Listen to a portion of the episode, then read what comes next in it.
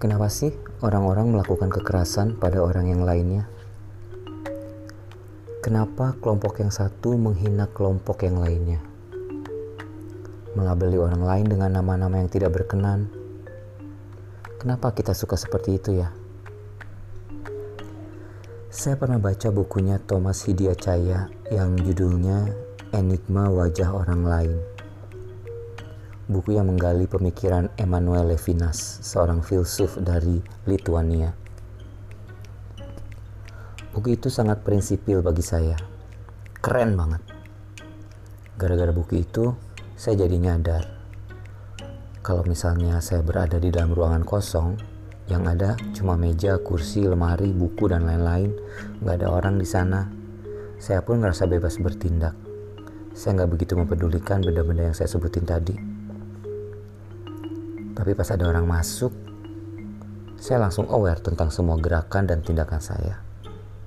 Seolah-olah saya tuh ingin mengenankan orang yang seruangan dengan saya, siapa pun dia. Beda banget dibandingkan sebelum orang itu datang.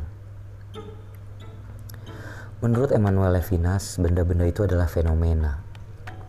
Sedangkan manusia menyingkapkan sebuah wajah yang bersifat enigma Fenomena adalah bagian dari realitas yang bisa menjadi objek pengetahuan secara keseluruhan. Sedangkan enigma memuat unsur-unsur yang melampaui objektivasi tersebut. Gak semudah itu ditangkap oleh akal budi kita. Makanya setiap manusia itu merupakan penyingkapan wajah yang unik dan tersendiri secara individual. Masih menurut Emmanuel Levinas, sekali kita berhadapan dengan manusia, siapa pun dia, maka kita terkena tanggung jawab untuk memberikan tanggapan terhadap keunikan wajah yang disingkapnya. Tapi ya gitu, kita lebih suka memberikan label pada orang lain. Karena jika kita mengambil tanggung jawab untuk menanggapi setiap enigma yang unik itu, maka kita harus telanjang di hadapan semua orang dan ketelanjangan inilah yang sering kali tidak mampu kita hadapi.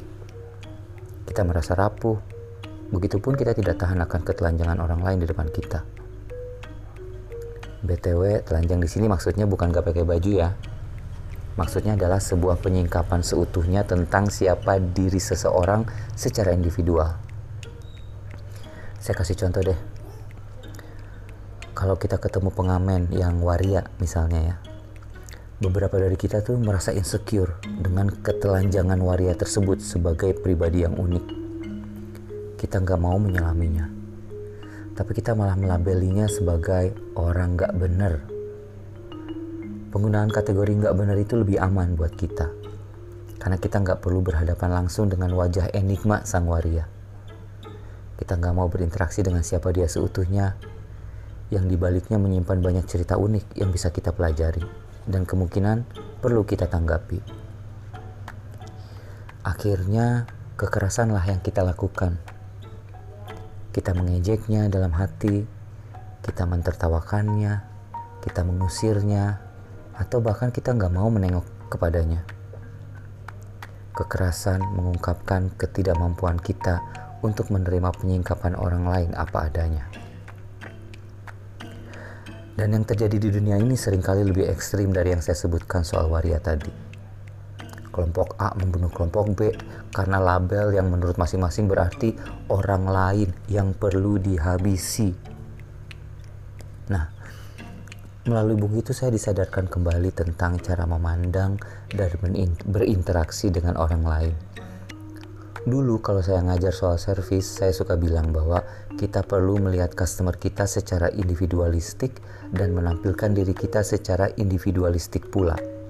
Supaya setiap interaksi dengan customer menjadi sebuah hubungan yang sejati. Sekarang, saya mendapatkan pencerahan baru. Bahwa sekali kita bertemu dengan orang lain, siapa pun mereka, maka kita memiliki tanggung jawab sebuah tanggung jawab yang berhubungan dengan melihat keluhuran martabat orang tersebut. Thanks a planet and have a good one.